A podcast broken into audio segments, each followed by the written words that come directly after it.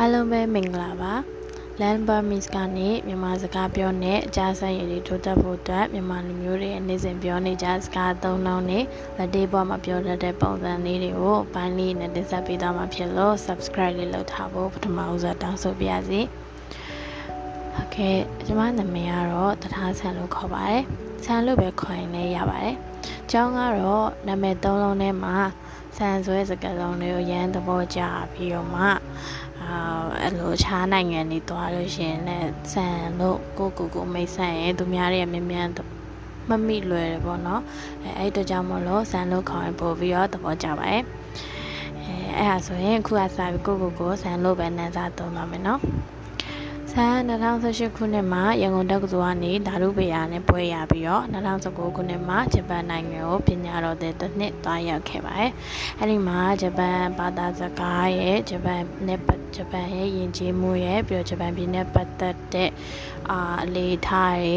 အာသူတို့ရဲ့တမိုင်းဝင်နေရာတွေအဲအဲ့လိုမျိုးဟီရိုဟီရိုနာပေါ့နော်အဲမျိုးမျိုးသောအကြောင်းအရာတွေကိုတိလာခဲ့ရပါတယ်အခုလက်ရှိရောဂျပန်စာ N3 ကိုဒီမြန်မာပြည်မှာဆက်ပြီးတော့မှလေ့လာနေပါတယ်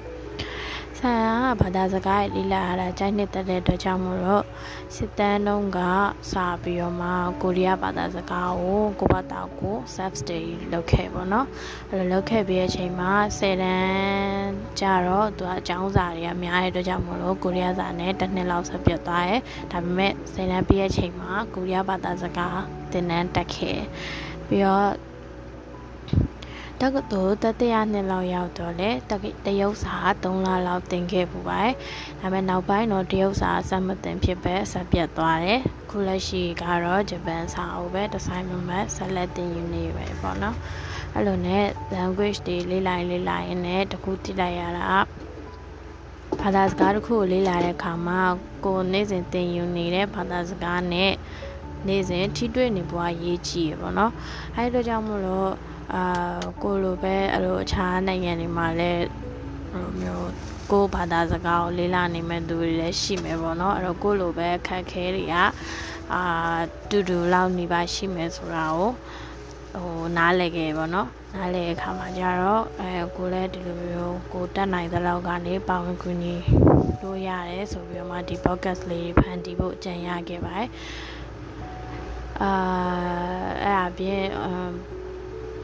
ကိုကဂျပန်ဘာသာစကားလေ့လာတဲ့အခါမှာကျတော့ဒီဂျပန်ဘာသာနဲ့ပတ်သက်တဲ့ source တွေကတော့အများများပဲပေါ့နော်။ဥပမာ podcast တွေဆိုလို့ရှိရင်လည်း podcast channel အများကြီးပဲရှိရဲဂျပန်သားနဲ့ပတ်သက်တာအင်္ဂလိပ်စာဆိုလို့ရှိရင်လည်းအင်္ဂလိပ်စာပေါ့နော်။ဒါပေမဲ့ကိုကိုမြန်မာဘာသာစကားနဲ့ကျတော့ရှာတဲ့အခါမှာသူကအာ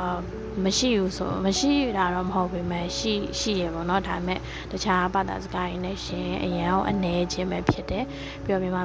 ဘာသာစကားကလည်းခက်တယ်တွေမှာပါရတဲ့ကြောင့်မလို့ဒီလိုမျိုးကိုပေါ့နော်တကယ် native speaker တယောက်အနေနဲ့အာကိုပြောရဲ့စကားလေးတွေကို focus လေးဖန်တီးပြီးတော့မှ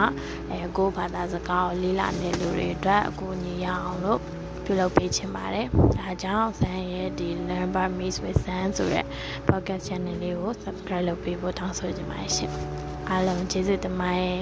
။နောက် episode ကြမှာတွေ့ကြမယ်နော်။ Bye bye